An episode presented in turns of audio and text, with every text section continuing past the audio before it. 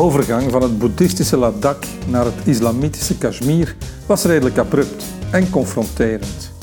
Ik was met de Royal Enfield Bullet ochtends vroeg uit de Aryan Valley vertrokken.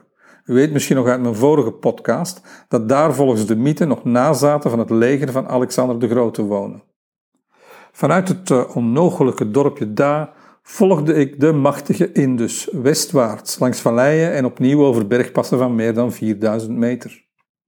Ik liet de vruchtbare vallei achter me en het landschap werd weer dor en rotsachtig. Af en toe zag ik in de plooi van een berg een gehucht. Hoe die mensen hier in het grote niets kunnen overleven, is een raadsel. Geen stoepas of gompas hier, maar wel minaretten en moskees. Vaak bouwvallig, maar wel met de eeuwige luidspreker die de gelovigen vijf keer per dag oproept tot gebed. De mannen dragen witte of zwarte salwar kamies, lange hemden met slippen over een katoenen broek. De vrouwen zijn van kop tot teen gesluierd. Alleen een klein streepje blijft open voor de ogen. Vandaag wordt de martelaar Hussein herdacht en dat zal me de hele dag part spelen. Hussein, Hussein, hoe zou het nog met Johnny Hussein, bedenk ik me, terwijl het maanlandschap langs me heen telkens weer andere tinten van oker aanneemt.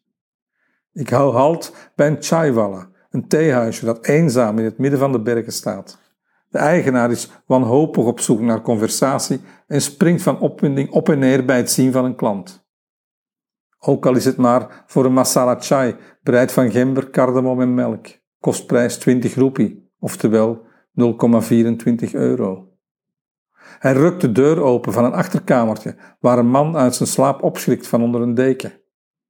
De man kijkt me verdwaasd aan. Het is een fietser uit Hongarije die hier van vermoeidheid even een siesta doet. Ik rij verder en als ik tegen de middag in Cargill aankom en in het stadscentrum een restaurantje wil zoeken, kom ik van een koude kermis thuis. De hele stad is afgesloten vanwege de herdenking van Hussein. Er zijn optochten van in het zwart geklede mannen en vrouwen.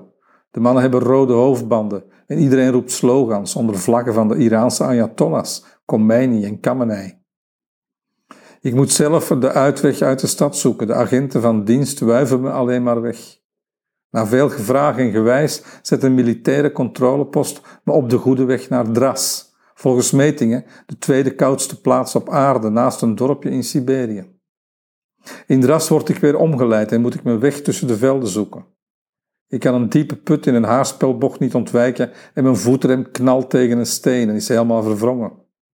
Mijn geteisterde rechter elleboog vangt ook weer de schok op en ik vloek alle hoestzijnen bij elkaar. Ik zet zo goed en zo kwaad het kan verder koers naar Srinagar. Volgens de Kashmiri zelf de hemel op aarde, zo mooi. Om die hemel te bereiken moet ik wel nog de Zochila-pas over. Een beklimming, een afdaling die alleen maar uit haarspelbochten bestaat. Mijn voetrem doet het niet meer. Ik rij verder door te remmen op de motor en occasioneel de voorrem dicht te knijpen. De Zojila Pas is een nachtmerrie om met mijn gehavende elleboog te nemen. Ik noem hem dan ook al snel de Godzilla Pas. Het is een bijzonder slechte zand- en grindweg en de putten en smeltwater maken dat je soms een rivier moet oversteken. Ik besluit om in Sonamarg aan de andere kant van de berg te overnachten. Het hotel dat ik uitkies lijkt wel een Indiaanse kopie van Faulty Towers. Het noemt zichzelf een resort, heeft de pretentie van een viersterrenhotel, maar zowat alles loopt er mis. In de tuin loopt een paard los dat de jongens van de bediening maar niet kunnen vangen. De kelner blijft hoofdknikkend en in een bijna onverstaanbaar Indiaas-Engels vragen naar mijn Instagram-adres en komt stevast met de verkeerde bestelling aandraven. En in de kamer vloepen s'nachts onverwachts de lichten aan en uit en begint de ventilator plots te draaien. Als de manager me de volgende ochtend vraagt of ik goed heb geslapen, vertel ik hem dat mijn overleden grootmoeder is komen spoken en dat ze de lichten vanzelf deed aanvloepen. De man verzekert me dat het de fout van de manke elektriciteit in het hotel is, maar ik blijf tot zijn afgrijzen volhouden dat het de geest van de bommen was, die me via morsescijnen wist te vertellen dat ik voorzichtig moet zijn met mijn elleboog. De Indiërs zijn erg bijgelovig en meteen werd het hele managementteam erbij gehaald om het te overtuigen dat het zeker geen geest was. Maar als het geen geest was, dan was het dus de schuld van het hotel dat ik niet kon slapen op ik leep. Nu krijgt de manager het helemaal benauwd bij het besef dat hij moet kiezen tussen me terug te betalen omwille van de slechte elektriciteit of toe te geven dat er een geest huist in zijn hotel en nog wel een van een grootmoeder uit Lier. Hij besluit al even leep om een middenweg te kiezen. Go store electricity, sir, who will tell, inshallah.